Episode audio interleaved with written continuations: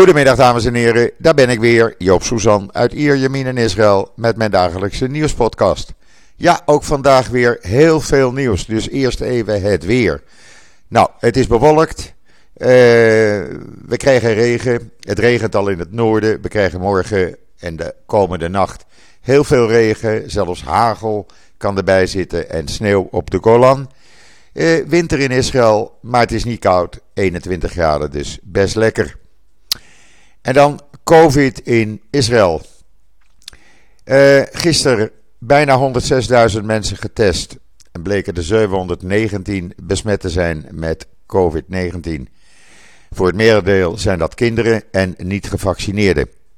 Er zijn ruim 5600 actieve patiënten, dat is weer iets gestegen. Maar in de ziekenhuizen liggen er 6 minder, 148 om precies te zijn.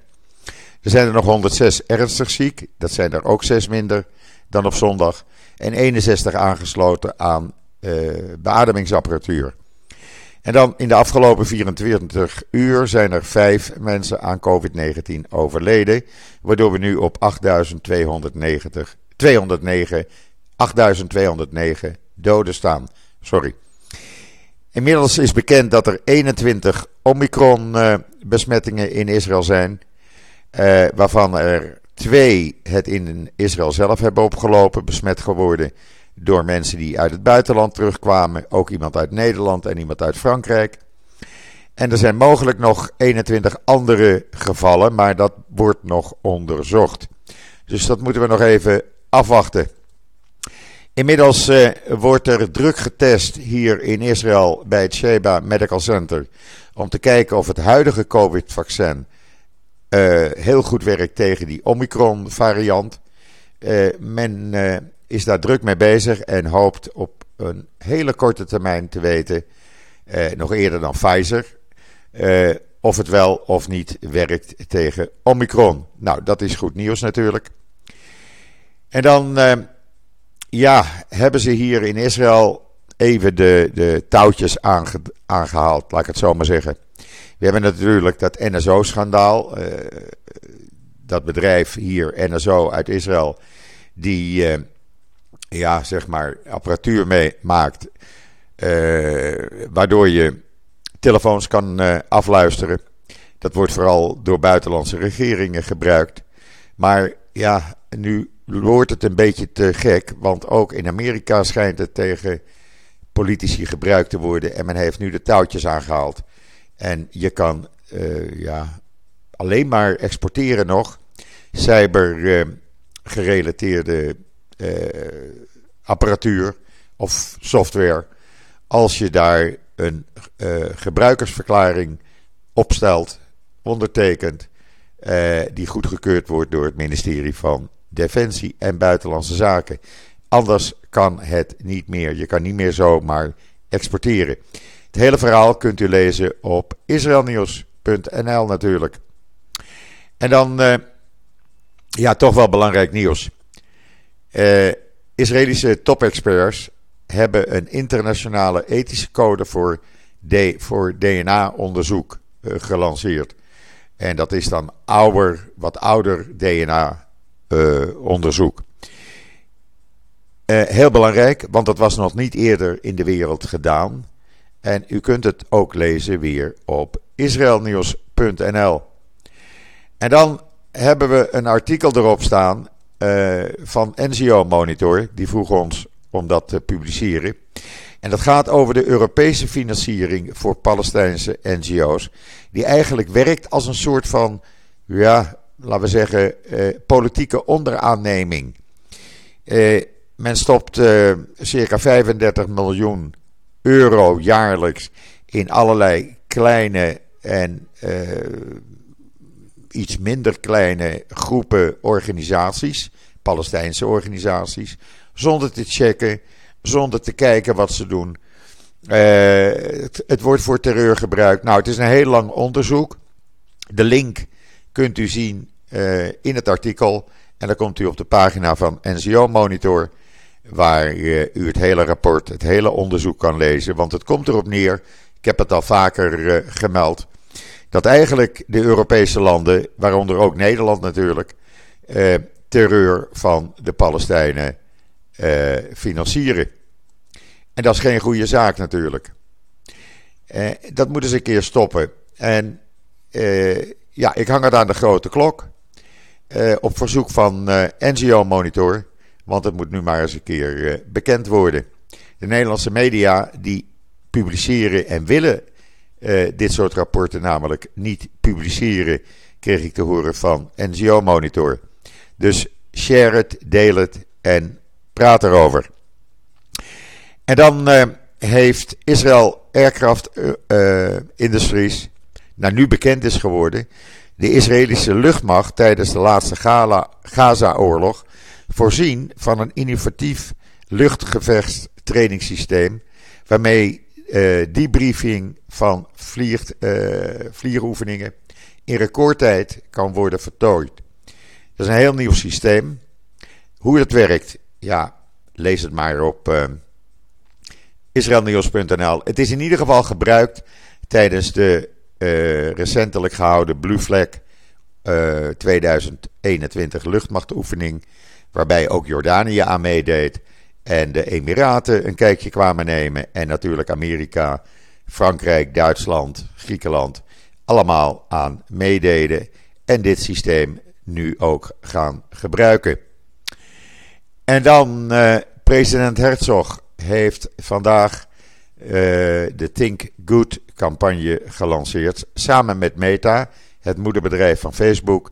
En het gaat uh, om het online pestgedrag te veranderen. Dat moet aangepakt worden. Een hele goede zet. Doen een heleboel bekende Israëli's aan mee.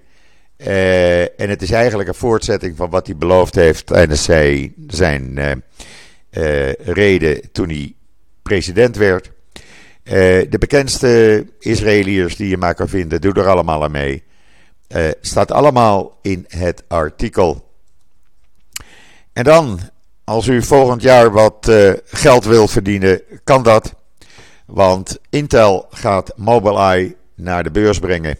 De geschatte waarde is 50 biljard, miljard.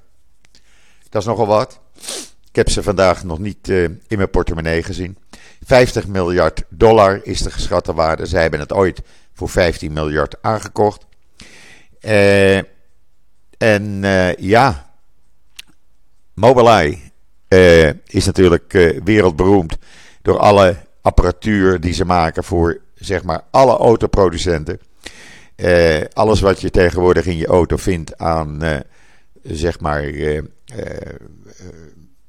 apparatuur voor binnen de lijntjes blijven. apparatuur voor als je te hard rijdt en te dicht op een voorligger aankomt. Nou ja, je kan het zo gek niet bedenken of het komt wel bij Mobileye vandaan. En die gaan dan volgend jaar naar de beurs. En dan, ja, een voorbeeld voor uh, Nederland zou ik zeggen. Want de Tsjechische minister van Buitenlandse Zaken heeft gezegd: we hebben bewust onze stemming tegen die anti-Israël-resolutie afgelopen week. Ze hebben we nee gestemd, tegengestemd, om te laten zien dat we het antisemitisme gewoon zat zijn elke keer in die Verenigde Naties. Dat moet nou, maar eens afgelopen zijn. Opvallend was dat Nederland. Uh, ja, die stemde. onthield zich van stemming, laat ik het zo zeggen. En wie zwijgt, stemt toe, zou je haast zeggen, toch? En dan, uh, ja, gisteren was er nog wel wat uh, oproer in Israël door de uitspraak van die voormalig assistent van Netanyahu. Want die had gezegd: Ik ben in 2017 weggegaan uit mijn job. Want ik vond Netanyahu niet meer geschikt om premier te zijn. En waarom niet? Hij zegt, door zijn vrouw en met name zijn zoon Jair werd hij uh, onder druk gezet om metaaldetectorpoortjes op de Tempelberg neer te zetten. Dat heeft hij ook gedaan. En dat leidde tot enorme rellen. Een week lang hebben we enorme rellen gehad. Waarbij doden vielen, heel veel gewonden vielen. En het was allemaal niet nodig geweest. Want die detectoren werden na een week weer weggehaald. En dat is nogal een onthulling. En er is nooit onderzoek naar gedaan, zegt hij. En dat zou eens een keer tijd worden om uh, daar uitgebreid onderzoek naar te gaan doen. En neem ik even gauw een slokje water. Zo. En dan eindelijk is het zover. Israël heeft zich officieel aangesloten bij het Horizon uh, Research and Development programma van de EU. Dat is mooi, want dan kunnen Israëlische onderzoekers en universiteiten kunnen hun portie krijgen van de miljarden euro's aan onderzoeksfinanciering die er beschikbaar is tot 2027. Dat gaat om zo'n uh, ruim 95 miljard euro. En Israël kan daaraan meedoen, maar universiteiten die over de groene lijn zitten, die mogen niet meedoen. En dan eh, minister van Buitenlandse Zaken Lapid. Hij is toch een druk mannetje. Net terug uit Europa en Amerika en gaat de komende dagen naar Cairo voor gesprekken met zijn, Europees, met zijn Egyptische collega. En dat gaat natuurlijk over Hamas en andere zaken die hier in de regio zich afspelen. Hij blijft, uh, hij blijft maar druk. En dan Netanyahu, die uh, heeft gevraagd om uh, de bescherming van zijn vrouw en kinderen te verlengen op kosten van de belastingbetaler natuurlijk. Want, zegt hij, ik word bedreigd door Iran. Of dat zo is, ja, we weten het niet. Hij houdt 20 jaar bescherming in ieder geval. Uh, maar er wordt weinig voor gevoeld hier binnen de huidige regering om zijn familie blijvend te blijven beschermen. Dat moet hij dan zelf maar betalen, zegt men in de wandelgangen. En dan uh, in de Times of Israel was een leuk artikel over Hanukkah in uh, de Verenigde Arabische Emiraten. Want dat werd toch leuk gevierd. Joden en Arabieren samen aan de Hanukkah. Uh, dan was het ook nog eens een keer uh, de nationale dag van de Emiraten. Nou, de rabbijn in de Emiraten, uh, die noemde het acht dagen van wonderen. Hij zegt, elke dag gebeurde er wel iets bijzonders. En het bleef niet alleen maar bij het ontsteken van de menorah. Is natuurlijk heel leuk en prachtig om dit te zien. En dan heeft de IDF meegedeeld, ze hadden dat eerst ontkend, die geruchten. Maar zeven IDF-reservisten die orders hadden geweigerd tijdens de mei-oorlog in, met Gaza, die zijn ontslagen en komen niet meer terug in dienst. En dat zult u zeggen, nou en? Nou, dat is nogal een dingetje in Israël. Als je door de IDF ontslagen wordt, dan ja, verlies je toch een heleboel vrienden, je verliest uh, uh, een aantal rechten. En ja, je telt eigenlijk niet zoveel mee meer. Dus dat is best wel een zware, een zware straf. En dan uh, een Arabische journalist van de Jerusalem Post. Die zegt wat er achter de opkomst van die Palestijnse terreuraanslagen de laatste tijd zit. Nou zegt hij, dat is heel simpel. Dat is gewoon ophitsing door Hamas, de Palestijnse Islamitische Jihad en andere groepen in Gaza die inwoners van de Westbank oproepen, oproepen zich te verzetten tegen alles wat met Israël te maken heeft. Eigenlijk willen ze werken richting een nieuwe intifada, zoals we dat uh, in de jaren 90 en 2001 ook hebben meegemaakt. Dus een intifada van terreuraanslagen tegen Israël. Israël probeert dat natuurlijk uh, uit alle macht tegen te gaan. En ja, men is er druk mee, maar ja, uh, die Arabieren die niks om handen hebben, die blijven gewoon luisteren naar uh, wat Hamas en die andere terreurgroepen zeggen. En dan is de Knesset akkoord gegaan met het verhogen van de minimumstraf voor bezit van handel uh, van illegale wapens, bezit en handel in illegale wapens. En het, wat opvallend was, dat de oppositie onder leiding van Netanyahu, die altijd de mond vol heeft van we moeten de Arabische handel van uh, illegaal wapenbezit aanpakken en het uh, wapenbezit gaan verminderen die was niet bij die stemming aanwezig. Dat is heel opvallend. Ze hebben de mond vol constant van uh, we moeten dat aanpakken. En als er dan een zwaardere straffen worden uh, besproken en uiteindelijk goedgekeurd, dan zijn ze er niet. Maakt er niets uit, de wet is aangenomen en wordt binnenkort van kracht. En dan in Saudi-Arabië. Voor het allereerst is daar een filmfestival gehouden. Ja, je gelooft het toch niet? Maar men wordt uh, modern. Vier jaar geleden is de ban op uh, bioscopen opgeheven. Mannen en vrouwen mogen nu weer naar de bioscoop. En nu was er dus een filmfestival uh, voor het eerst in Saoedi-Arabië. U ziet, alles verandert.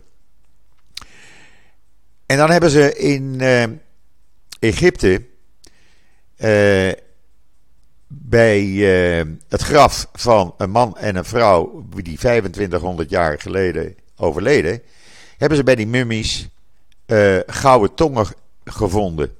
En waarom werd dat nou gedaan? Nou, dat werd gedaan zodat ze makkelijker konden communiceren met Osiris, de oude Egyptische god van de onderwereld, die oordeelde over diegenen die op weg waren naar het hiernamaals.